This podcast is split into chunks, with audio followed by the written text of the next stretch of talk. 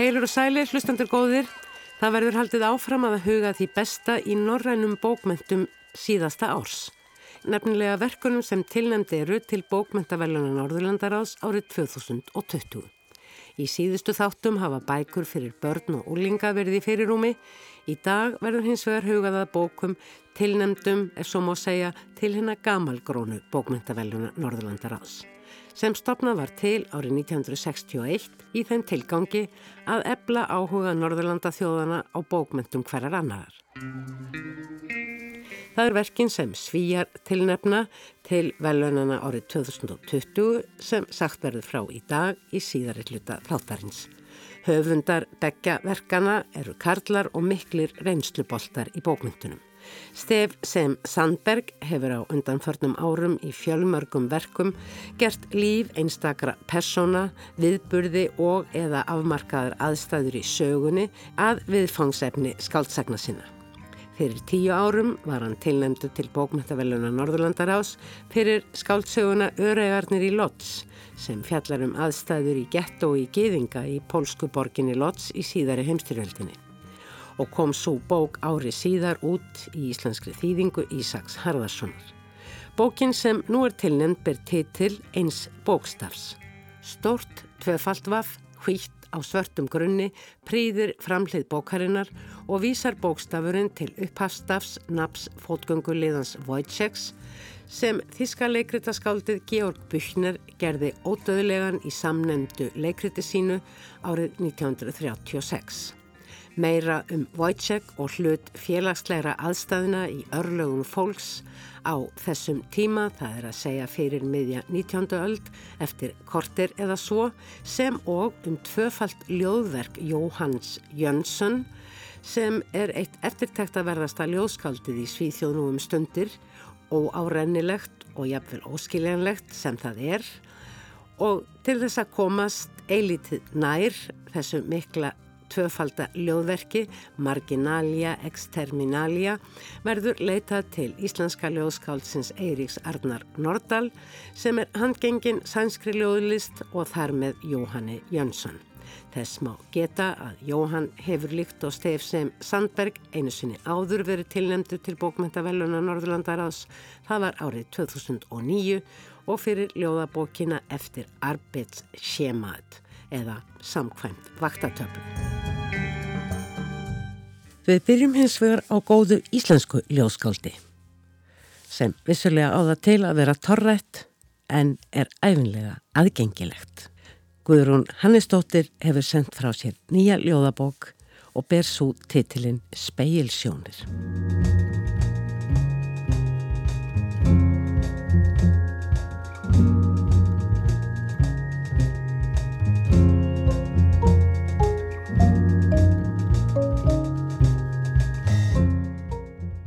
Hún er kannski svo litið eins og blandi í póka, nýja ljóðabókin eftir Guðrunu Hannesdóttur, svo áttunda sem hún sendir frá sér og heitir Speilsjónir, nefnilega tæki til að rannsaka. Og ég held að það sé merking titils þessarar djúbgölu ljóðabókar sem Partus gaf út fyrir rúmum mánuði.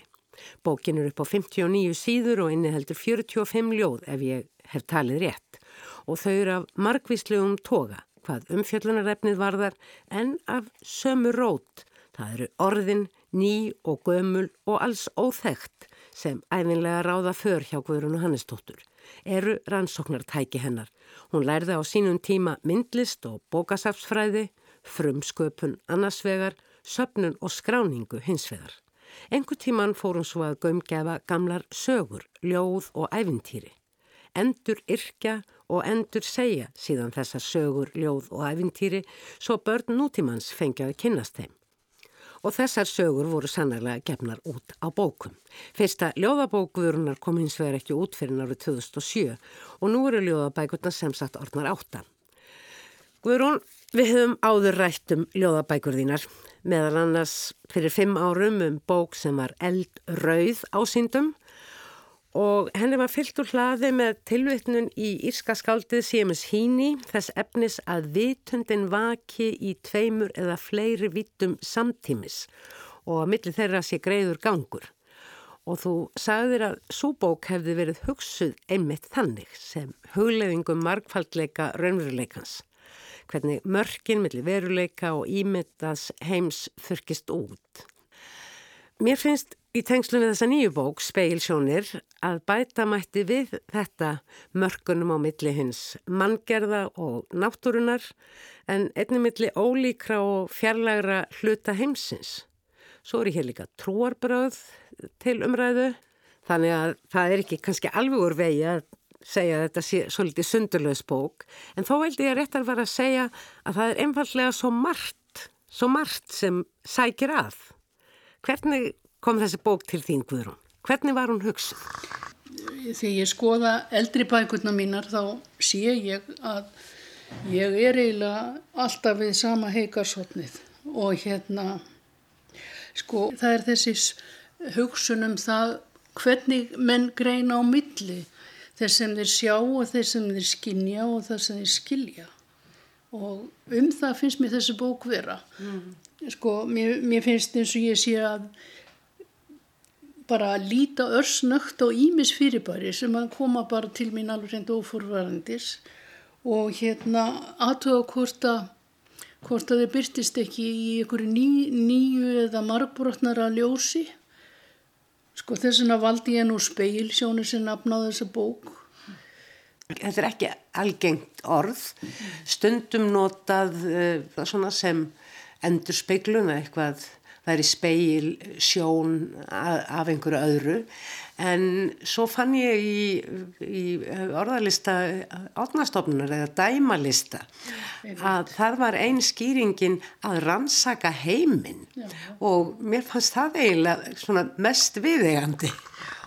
Ég, ég held nú bara í fáisku minna ég hef búið þetta orð til sjálf vegna þess að ég hef notað það í, í ljóði áður heldur en ég fóð nokkuð að gáða hvað það var mm. en svo sá ég eins og þú að fyrsta mynd þess er eiginlega í ljóði eh, hérna sem að eh, þýskum ljóðabálki sem að heiti Messia sem að engin annar en hérna Jón Frá Bæis á þitti og í afskaplega fallegu erindi og hérna þar er einmitt verið að tala um þessa viðleitni manna að skinja Þar er það náttúrulega rödd Guð sem þeir eru að reyna að heyra úr fjaska en bara skilja og skinja. Mm. Ég finnst þetta orð vera fallegt og ná vel yfir það. Mm. Þegar ég fyrir að gá að í eldri bæku mína þá sé ég mér til nokkura fyrðu að þar eru speklar bara út um allt mm. og augu. Mm. Svo lesa ég held þetta sé bara svona framhalda, mm.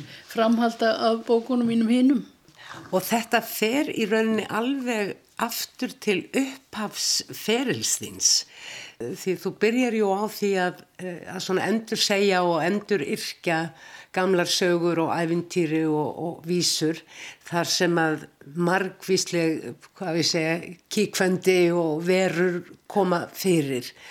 Og þetta er í rauninni aðferð þeirra tíma uh, manna og hvenna til að hugsa um heiminn og leita skýringa, búa til einhvers konar myndir af því sem að þeir skinja en get ekki kannski almennilega sett fram. Já, ég held það og svo er líka sko það nú eitt ljóð þarna sem að heiti Lúðurljómur mm. sem að snerti nú kannski bæði gamla og nýja tíma. Það hefur verið að tala um ljóðið hefst á því að það hefur verið að ræða um fyrðulega fyrirbæri hérna físjólóka sem er sem sagt fyrðudýrafræði sem kom fram á, á hérna miðöldum, bara 12 öld og var ákala hérna vinsælt mm. sko í þessari bókmöntagrein þá var reynd að gera grein fyrir öllum dýrategundum heimsins hérna lýsingarnar eru nákvæmnar og hafðar eftir sjónarvottum en aðrar eru náttúrulega algjörlega út í hött, bara ímynduna inn eða miskilningu sko og flestar þessar bæku voru myndskreittar og þetta var skrifað í fullru alvöru sko. Manni finnst þetta fáránlega yði að það skrítnar bækur mjög sko en réttur skilningur nútímamannsins á heiminum er sennilega sko undirorpin jafn margvíslegum breytum eins og þetta mm. sem kemur allstaðar að og alls konar Eigum við kannski að heyra þetta ljóð, uh, heita það lúðrarhljómur eða lúðurhljómur? Lúðurhljómur heitir það. Já. Þú sér þau streyma hjá eins og fyrrum, hálfgalinn, tignarleg, guðleg eða grimm.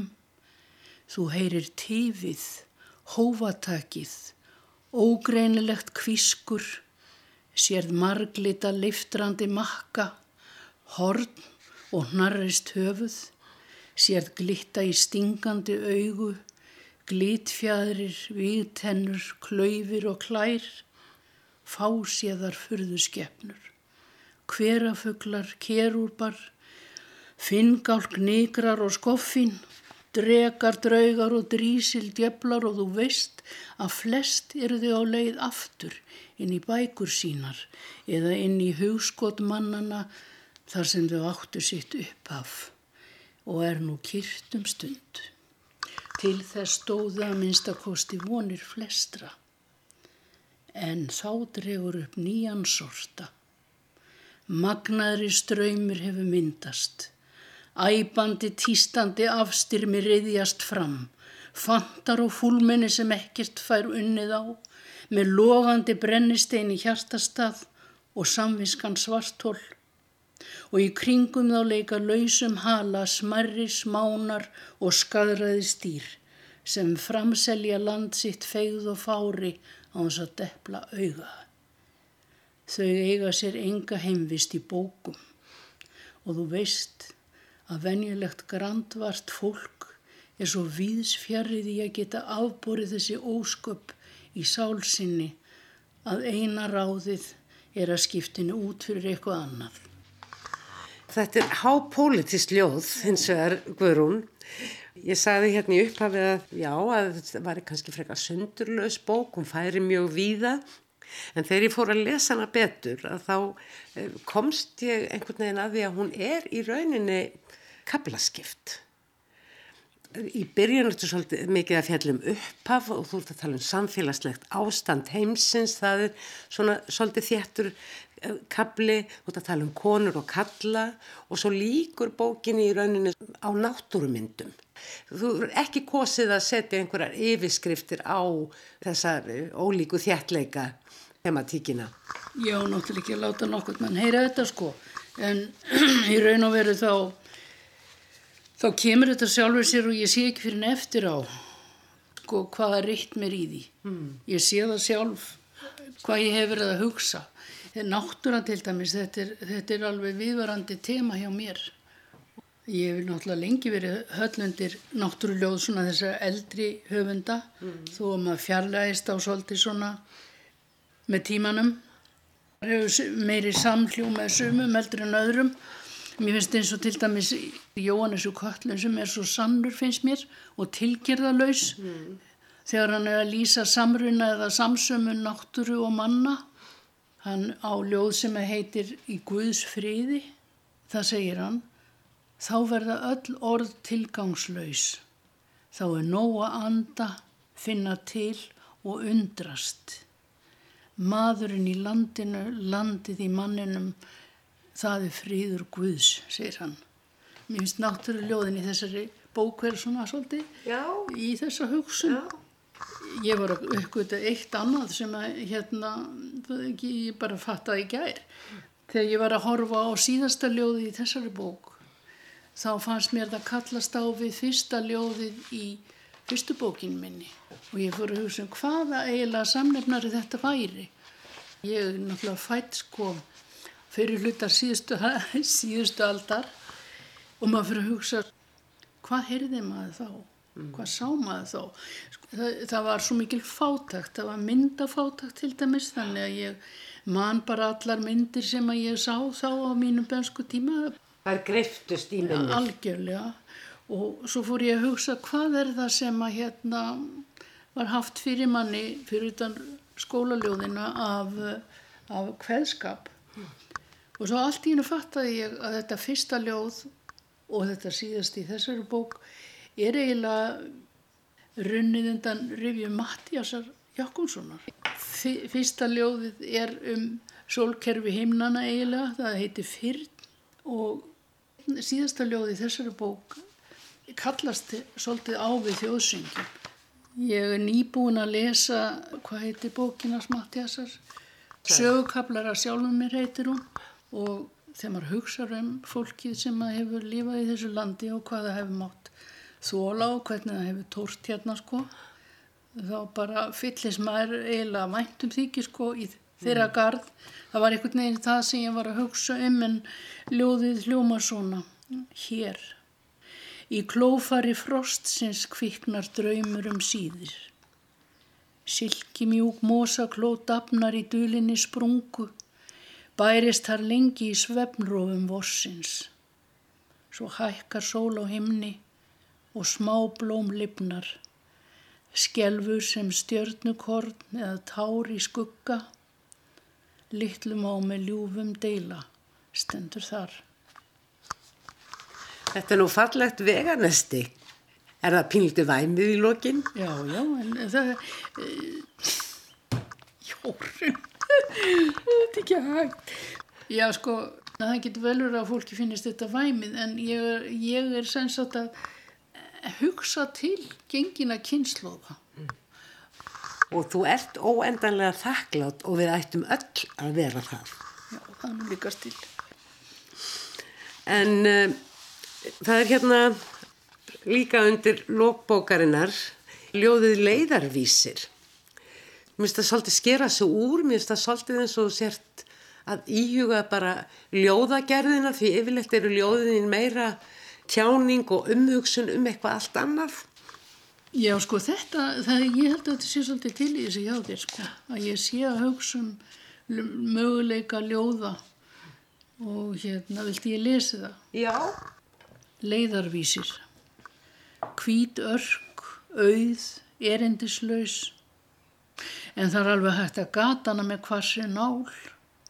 Stinga út fagurt og flókið minnstur yfir alla síðuna.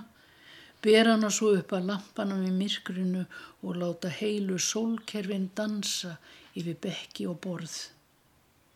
Það er líka hægt að leggja hann undir stakkanaglir í sólinni Sjá lítið glóraugt gat myndast og breyða hægt úr sér, þar til neistar og næfur þunnar svartar flyksur taka svífa til jarðar með ófyrir sjáanlegum afleiðingum. Svo má líka bera hann út í rigningun og rokið og láta hann að bara fara sína eigin ferða, segja sína sögu sjálf. Þarna er orðið glóraugt. Uh, Er það ekki til? Ég veit það ekki. Það getur vel verið, en, mér, en þú ert stundum að, að búa til orð. Já, já. Grjót spakar ær, segir í, sé, í uppháfsljóðinu. Svo tók ég eftir orðinu, já, gullsatt, nýstingssker, það var bara eitthvað sem að ég allur hafi búið þetta til. Ég, ég veit það ekki, ég hugsa það kannski.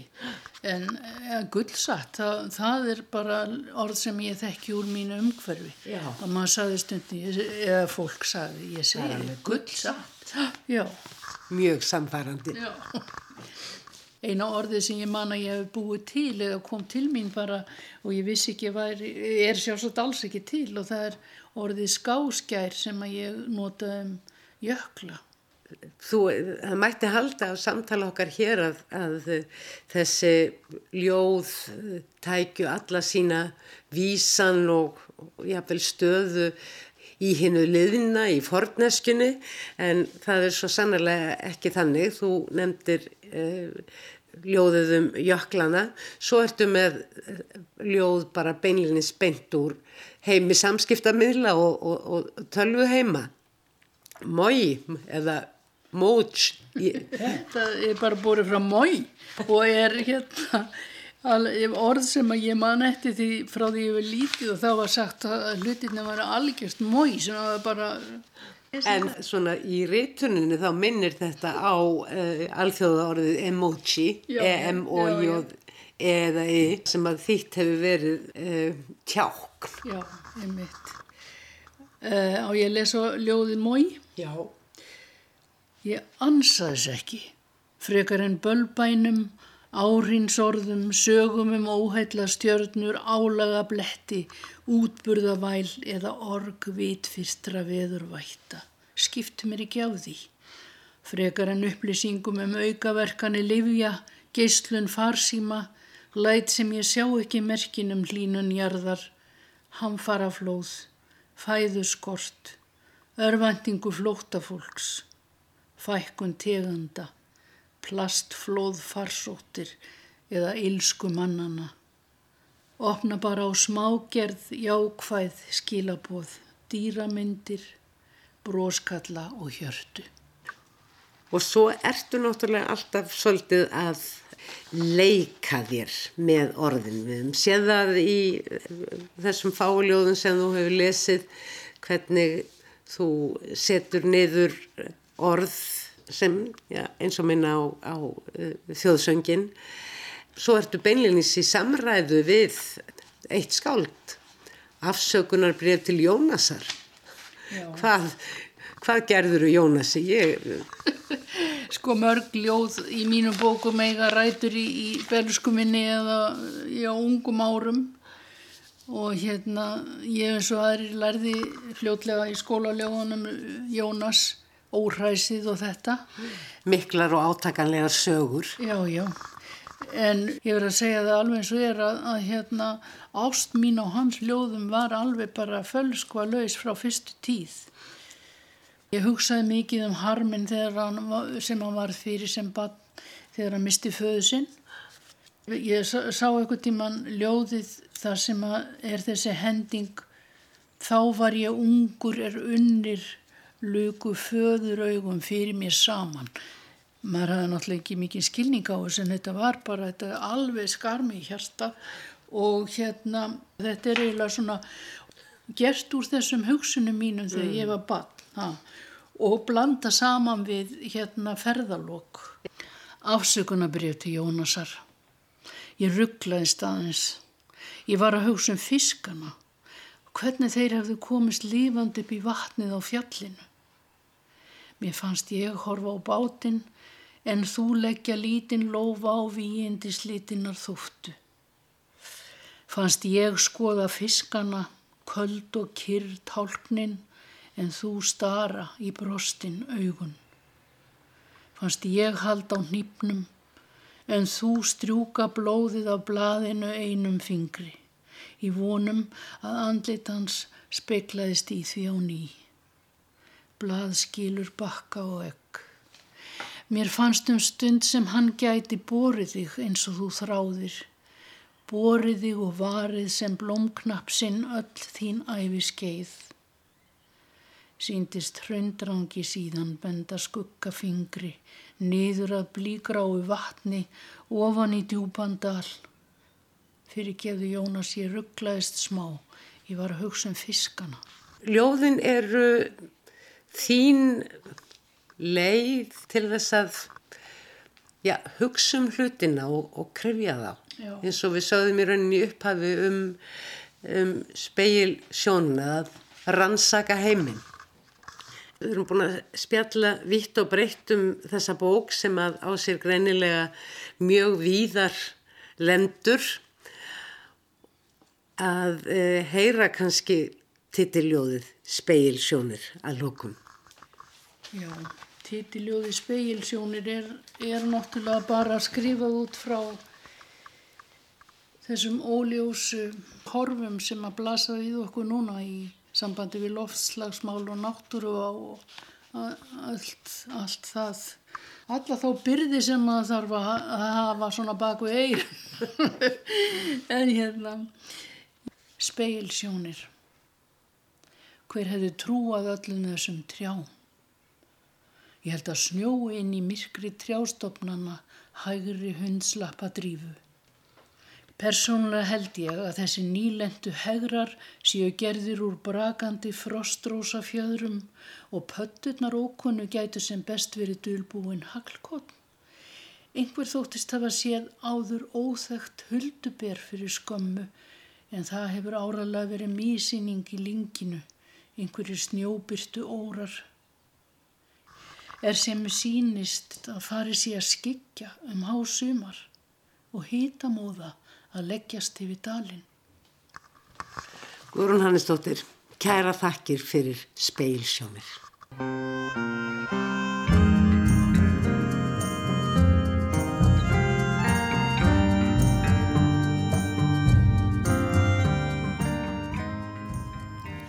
Skálsagan Vaff, þar að segja tvöfald Vaff, eftir Steve Sem Sandberg sem svíjar tilnefna til bókmyndavelluna Norðurlandar ás, tengist eins og áður sagði leikverkinu Wojciech eftir þíska leikskáldið náttúrufræðingin og byltingarmannin Georg Buchner.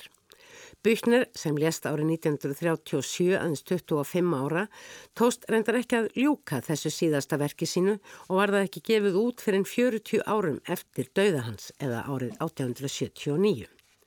Leikverkið um fótgöngulegan Wojciech sem verð ástkonu sinnað bana og að lokum sjálfur dæmdur til dauða hefur hins vegar lifað nokkuð vel allar götur síðan og er leikritið oftalið marka upphaf nútíma leikritunar í Þýskalandi og jafnvel í Evrópu allri.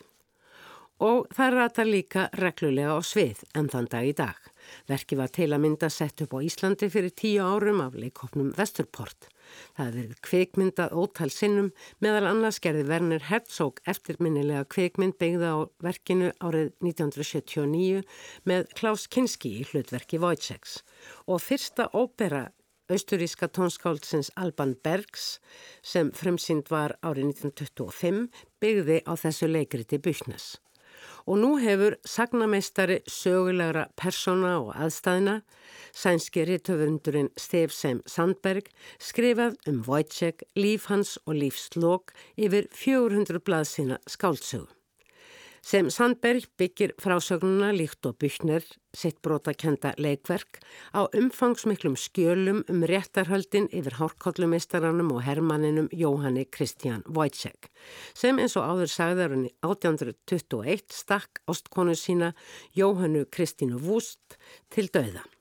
Morðið og réttarhöldin í kjölfærið urðu hluti af vakningu í vísundum þessa tíma, það er á fyrir hluti átjóndaldar, þegar vísundamenn voru farnir að veita áhrifum umhverfis manneskunar aðtekli og gefa innri lífi hennar, tilfinningum og sálarlífi vísundalegt gildi. Samfara þeirri umræðu var ofærið að gömgefa sakhæfi og félagslegt samhengi glæpa og átti svo umræði eftir að halda lengi áfram eftir aftöku Wojciechs þremur árum eftir handtöku hans og er jafnvel í gangi ennþanda í dag. Það er líklegt að það hefði ymitt verið þetta samhengi félagsleira aðstæðan og áhrif stöðurar niðurlægingar og eineltis eins og slíkt hefur síðar verið nefnt og skilgreint sem vakti áhuga leikskáldsins Georg Spuchnes sem var byltingassinnaður maður í aðbyrjættis allra manna.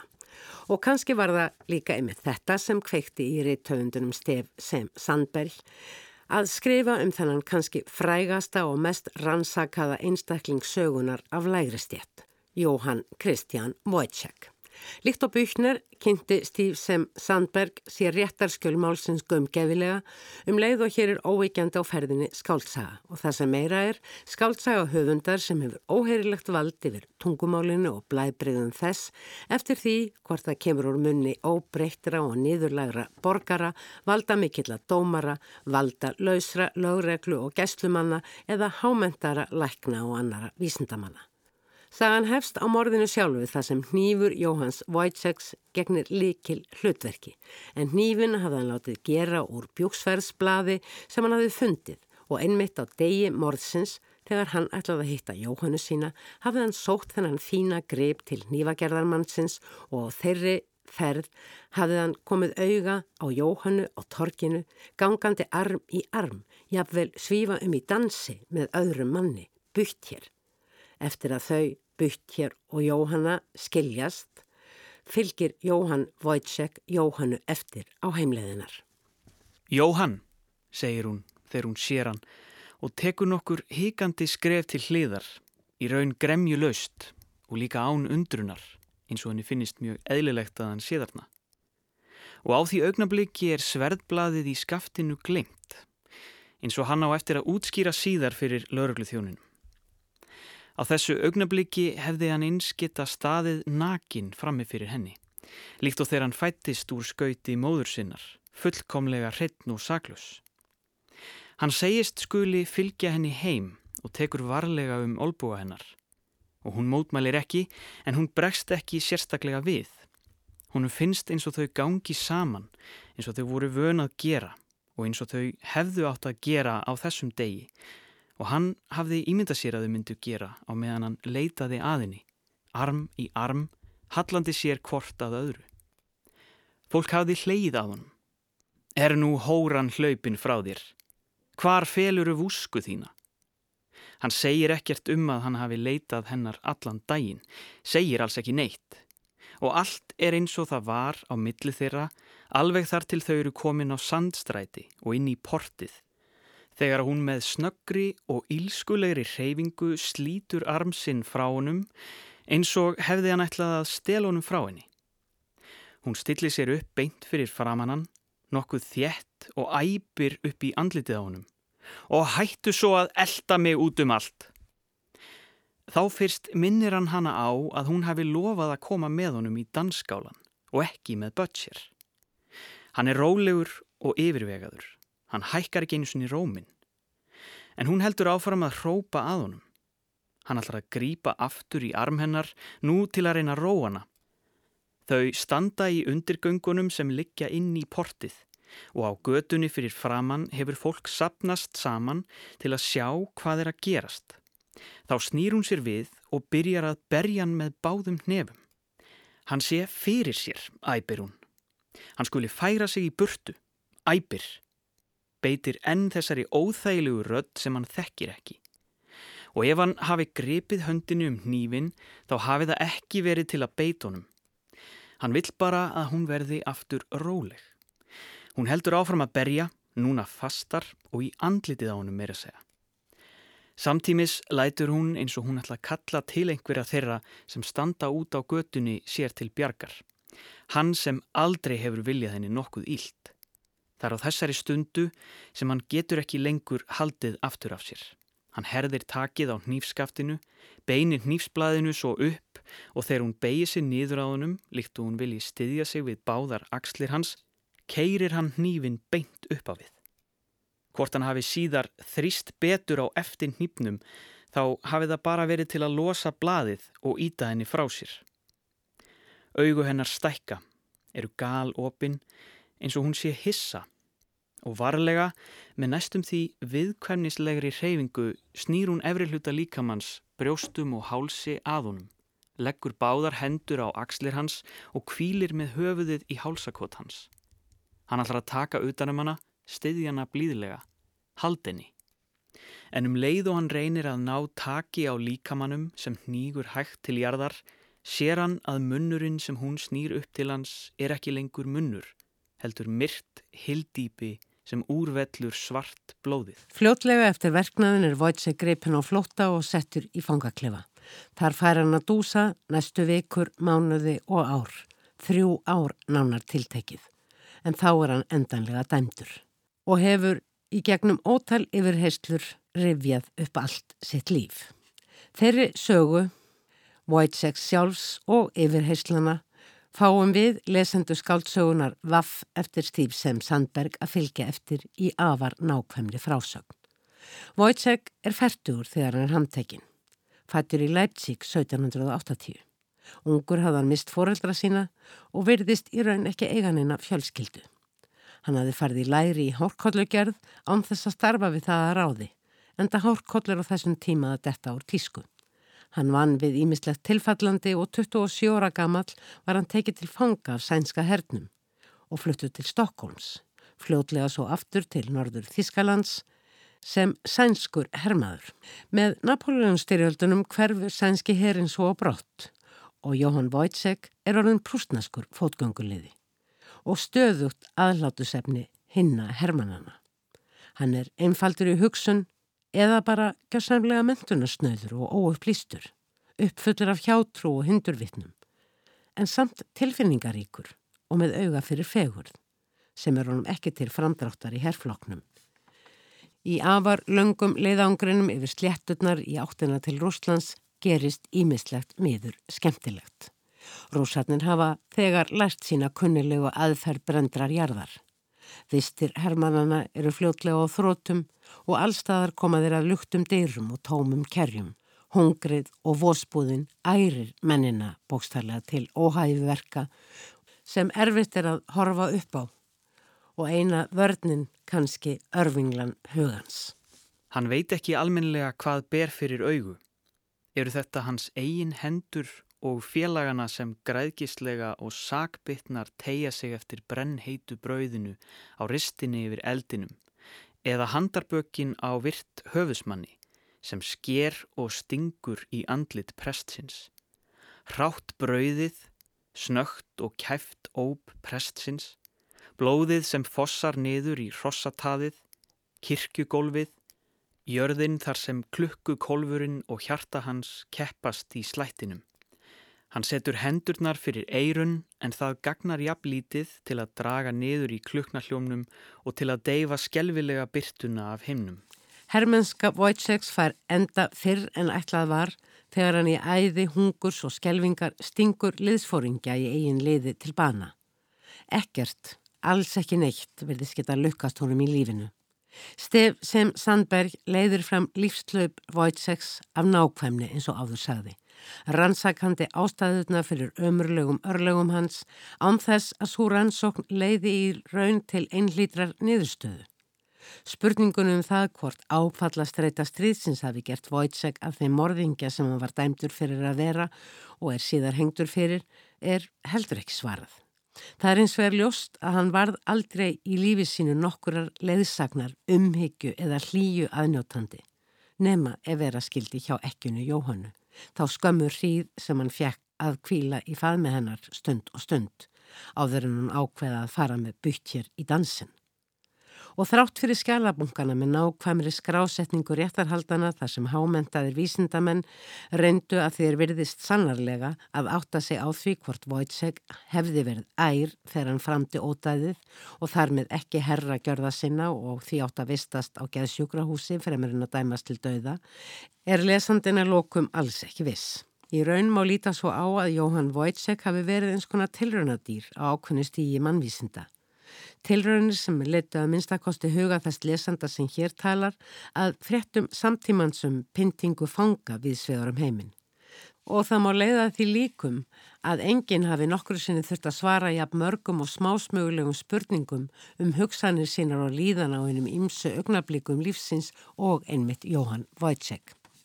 Egað síður var hann dæmdur til að hálsökvast drepast frammi fyrir fjölda áhörvenda rétt eins og tófan og rottan í svo kalluðu hetsleikúsi sem líst er all nákvæmlega í sögunni Vaff eftir Stef Sem Sandberg.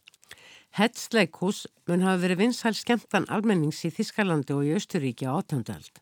Skemmtan sem rekja má til heldrafólk sem einhverjum áratugum fyrr vildi hlaða undir aðalstöðu sína og samfélagslega tegn með skemmtun sem líktist bardögum dýra og þræla í ringleikahúsum Rómaveldist til forna. Í sögu Steifsheim Sandberg hefur glæsileikin og spennan sem fjallaðin við yðbjóðin sem raunverulega fór fram í miðju hinna miklu ringleikasviða vikið fyrir blóðinu einu þar sem innan rimla og jafnvel innan dýra dýrum er allt hverju gegn öðru og hér í sögustef sem Sandbergs er það hungruð tófa sem einhvers konar rotta nánast rýfur í sig. Afar ógeðfæld frásögn vægast sagt sem speklar aðrar blóðsúthellingar þessara sögu vaff eftir stef sem Sandberg, hvort heldur á výgvellinum eða á aftökupallinum og leiðir beint til þess sem kannski má kalla niðurstöðu bókarinnar eða eiginlegustu spurninguna sem hún setur fram nefnilega er takmarkalauðs og óendanleg heimska og hugsunarleysi grundvallar skipan veraldarinnar. Skaldsaga Stef sem Sandbergs vaff er sannarlega ekki ennföld lesning. Hún rýfur í með þeim hætti að maður er nánast magnvana yfir því hversu mikið ástandið fyrir 200 árum tæpum kallast á við ástand heimsins nú. Hversu viðkvæm örlög hverjar mannesku fyrir sig eru í raun og hversu mjög allt í mannana skipan þyrti að taka mið af því. Hér er viðegand að nota viðtengarhátt sem líka stundum er kallaður óskáttur. Skálsagan vaff er átrepa, samfélagsleg átdeila sem engu hlýfir Þar eru dregnir fram ótal ólíkir þræðir og lesandanum látið eftir hvaða þráðum hann treystir sér til eða kæri sig um að fylgja eftir sem sögu, sem gerðist fyrir löngu eða sem sinni sögu jafnvel, sögu síns samtíma, okkar samtíma. Síðustu orð sögunar eftir stutta lýsingu þess hvernig höfuð hinn seka með einu sverðslægi er skilið frá bóknum að viðstöldum miklum mannfjölda allt í kringum högstaðin eru tákræn. Strax að þessu loknu halda böðlarnir á brott. Mannfjöldin dreifi sér og það er byrjað að taka niður aftökupallin. Reyndar er sögun ekki alveg lokið þótt lífi söguhetjunar vaff sé lokið. Því vísindin heimta enn sitt af hinnum dauða líkama. Kröpning fer fram sem leiðir í ljós óvenju mikla fetu í kringum hjartað. Engu líkar en hjartað sé brinnjað fetu hjúp og hofráðið Clarence sem svo mikið hefur rannsakað hennan sagbortning sinn spyr sig hvort í þessu leiki skýringin eina og einfalda fyrir andlegu ástandi sagbortningsins sem hann hafi leitað svo lengi að. Að blóðið og þar með orkan hjartageskan hafi ekki átt greiða leið. Clarence kýs að velta því ekki frekar fyrir sér.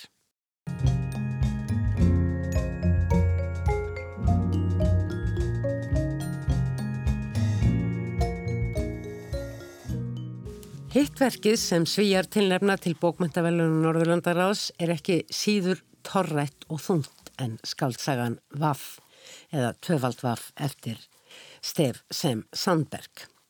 En það er tvöfalda ljóðverkið Marginalia Exterminalia eftir Jóhann Jönsson. Þetta er tvöfald ljóðverk, segi ég, því þetta eru tvær bækur og ber önnur titilinn Marginalia og hinn Exterminalia. Svo fyrirnemda inni heldur langa þölu eða ljóð sem er miðju flíjandi ef svo má orði komast sett upp á opnu bókarinnar, alveg út á spásíunni sitt hvort megin, í aðrinum, marginunni. Miðjan er sem sagt alveg auð. Ljóðið er ekki kaplaskipt og tegir sig yfir 204 blaðsýður í sefandi, hrinnjandi, djúbstæðra og flæðandi hugleðinga um ástand heimsins, fólk, náttúru og hugsanir og eru þetta ímist stuttar hendingar, eins konar aforismar, eins og eftirfærandi. Haf af engu sem svefnin vakkar svo verði tungumál. Eða yfir lengri og oft afar hverstaslegar frásagnir af eigin lífi ljóðmælanda eins og þessi. Í heimsókn, í bæ uppeldisins aftur og aftur til að finna til undanfljótandi liðins. Ég röldi um námasvæði sem hefur verið lagt niður, um rústir glataðrar framtíðar. En einnar. Við Berlínar gráan heiminn ber steinsteipu gráan liftuturnin, hóla leikmynd bautasteins, vindurinn leikur um brotnar rúður og ónýtt hangandi hlið sem kvín í eins og þjakandi lágstemdri flautu tímans. Hið liðna, hið endur uppvakta, tefandi á sama stað inni í námunni. Víð og djúb göngin. Óp, líkt og titrandi himna, núið. Í leifi litlum, grásprengtum, skófrifluðum steini að falla. Gravgiðinglegur mandel, brot, stamsteinn uppástunga skriðdýrs heilans sem ekki og aftur ekki hættir að falla. Hér er kunnulega mynd af umbreytingum atvinnuháta, speikluð í umbreytingu manneskunar með hundast rústnæst ljóskáld af gýðingaættum á kantinum. Hér eru ummerki sem ekki verða afmáð, eru orðin einhvers konar náttúra og hvers vegna er það svo? Jú, einhver tíma hafði hægt að borga sig að halda þessari námu úti. Fengust ekki nægir peningar fyrir það sem með erfiði var sótt í yðurjarðar. Og við sem lesum, við vitum að fjöldi manns misti þar með lífsviðveri sitt. Þetta er gömulsaga, saga okkar allra og saga sem er alltaf að gerast. Peningar eru og umfjöllunarefni í þessari ljóðabók Marginalia eru hluti formsins og ákveðin grundtótt þessa rúmlega 200 blaðsina bálks. Þar sem eins og áður sagði flæða fram mislangar hendingar. Hér eru greinarmerkir en aldrei upphafstafir og milli hendingana er svo með skáleitri, annarar leturgerðar, einlínungar þar sem peningar eru umræðaefnið. Ég verða ná mér í meiri peninga. Hvernig hverfa allir þessir peningar? Ég verða að vinna mér inn meiri peninga. Þessir peningaeinlínungar eru fyndnir eins konar komikri líf í endurtekningu sinni á milli heimsbyggilegra og á stundum fiblalegra aforismana, lengri og alvarlegri hugleðinga sem innihalda frásagnir úr lífi skáldsins, náttúrulýsingar og hvaðina. Ég viðurkenni að þegar ég byrjaði að lesa þetta langa ljóðmarginalja eða spásja þá eins og held tók tekstin mig. Ég varði að lesa upphátt, finna fyrir orðunum, hlusta og lesa í senn. Svo kom að því að ég stóð með að því öll þessi orð sem hittu mig í sterkri hrinnjandi sinni og skýrri merkingu voru horfin um leið og ég hófa að lesa næstu línu á eftir. Hinn bókin, Exterminalia, er öllu minni í sniðun telur aðeins 46 nokkuð þjættskrifaða síður og ég segi nokkuð þjættskrifaður því það er ekki alls kostar rétt því það eru gött á síðunum. Littlir bjálkar sem taka óreflulega yfir um það byrj 5 leturtákna línubút. Þetta gerir síðunar óneitanlega meira lifandi og áhugaverðari á að horfa en þegar orðin einfallega raðast í línutnar með eðlilegum hætti. Þessir svörtu ílöngu ferningar virðast nefnilega í fljótu bræðu ekki þjónan ennum tilgangi nema kannski til að setja einhvers konar heikin í flæði tekstans. Þá er á sömum síðana eðlilegur teksti lagaður þannig að útlínunum til að í miðjusíðunar hvorar fyrir sig myndast rými þar sem komiður fyrir auka teksta með annari leturgerð, ljóði inn í prósaljóðinu Á öðrum síðum eru svo númeraðir hliðartekstar og enn öðrum síðum er svo líkt og neðamálskrein sem tekur reyndar yfir margar, margar blaðsíður. Það skal viðurkent að mér tókst ekki á síðustu dögum að lesa þessar bækur þannig að ég fengi áttaði mig á þeim og samingi þeirra sem skildi. Forki innbyrðis á milli bókana tvekja eða yfir höfuð í sænskri löðlist. Eirikur Örn Nordal, þú þekkir ágætlega til sænskara samtíma ljóðlistar og, líka personulega þetta ákveðna ljóðskáld, Jóhann Jönsson. Er hægt að setja það í orð hvers konar ljóðskáld Jóhann Jönsson er? Já, ég, sen, ég, ég minna að þú veist, alltaf einhverju, einhverju vankantar á því. Hann er, það er, er ofsalega mikil, ofsalega mikil ofsi í því sem hann skrifur oft og mikil mikil þyngd og flæði og þessar tvær bækur eru samanlagt um 250 síður og hérna uh, þætti nú nóg fyrir ljóðabók hjá hverjum sem er en þetta er mjög stutt ljóðabók fyrir Jóhann. Hann hefur gefið út bækur sem eru sko ljóðabækur sem eru yfir þúsund síður. Sérstaklega þrjár sem eru kallið hérna, hérna það er kallað riktningstrilogín eða hérna hvað sem er stefnutrilogían hérna, þær eru allar held ég yfir þúsund síður svo lengsta sennilega á 1500 og, hérna, og þær eru allar svona í lægin eins og, og múrsteinar. Þær eru svona stórar og mikla hann er líst í sjálfur að sé, hann sjáu þær svolítið eins og múrsteinar.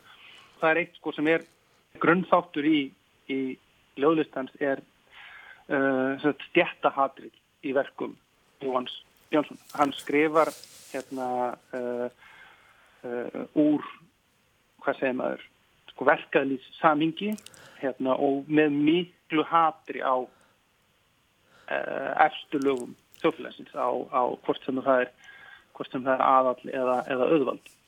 Uh, sko, hann debuterar sko rétt eftir 1990 og mér skilst, ég hef ekki lesið bækutarnas frá tíundarartögnum en allavega bækutarnas sem eru gefnar út þessari öll það eru allar þessari sömu hérna flæðandur öll sem er og hefur rosalega mikið að gera með stjætt en líka rosalega mikið að gera með, hérna, með líkamann og það eru mjög dónarlegar og suppulegar. Já. Hérna, hann veigraði sér ekkit við að fara yfir þær línur.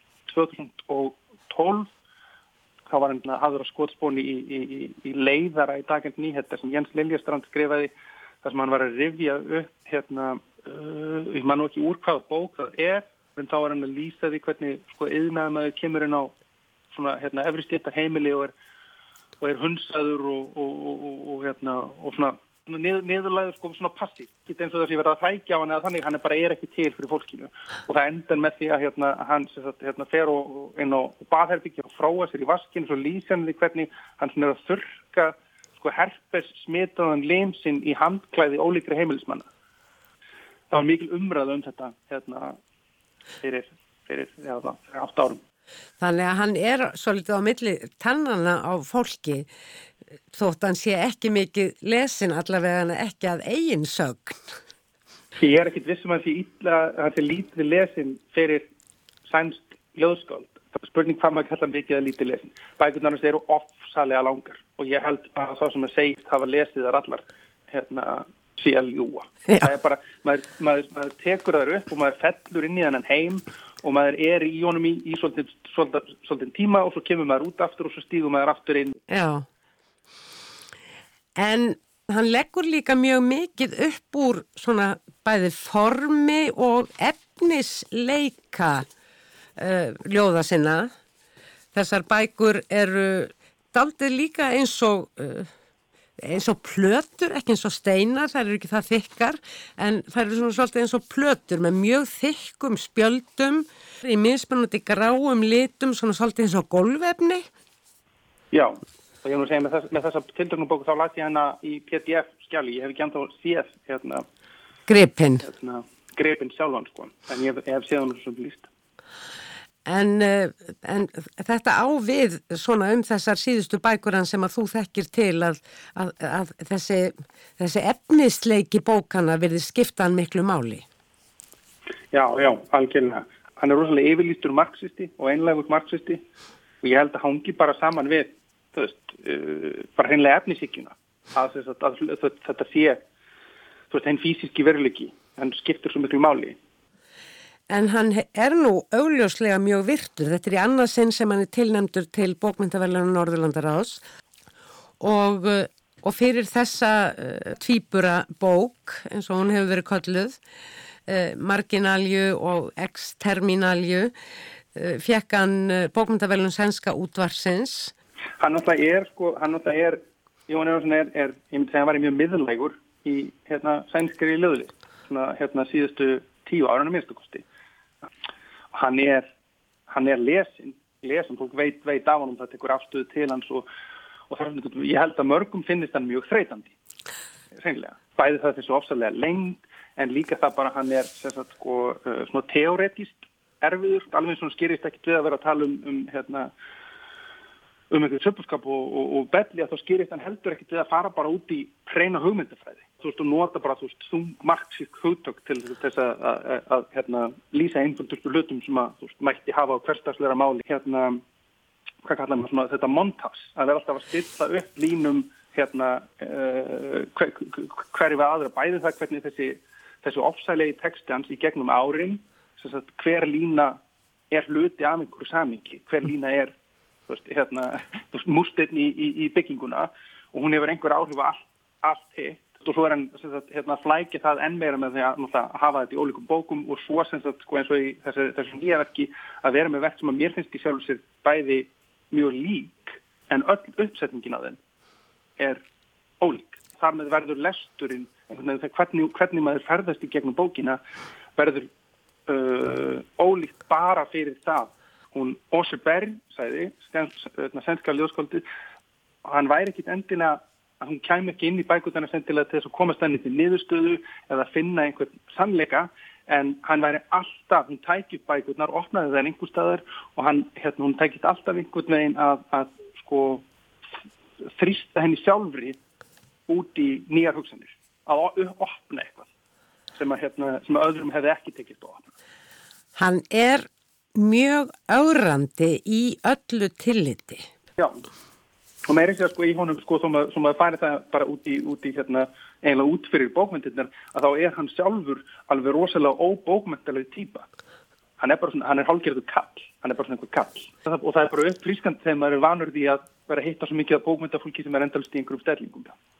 En er hann áhrifavaldur eh, meðal yngri ljóskálda svona eftir því sem að þú fært hefur getað séð? Hann er rosa, sko, mörguleit er hann ofsalega einstakur. Ég, ég, held, ég held að, ég, ég ímyndi mér að hans í mörgum innblástur, ég man ekki eftir neinum sem að svipar til hans.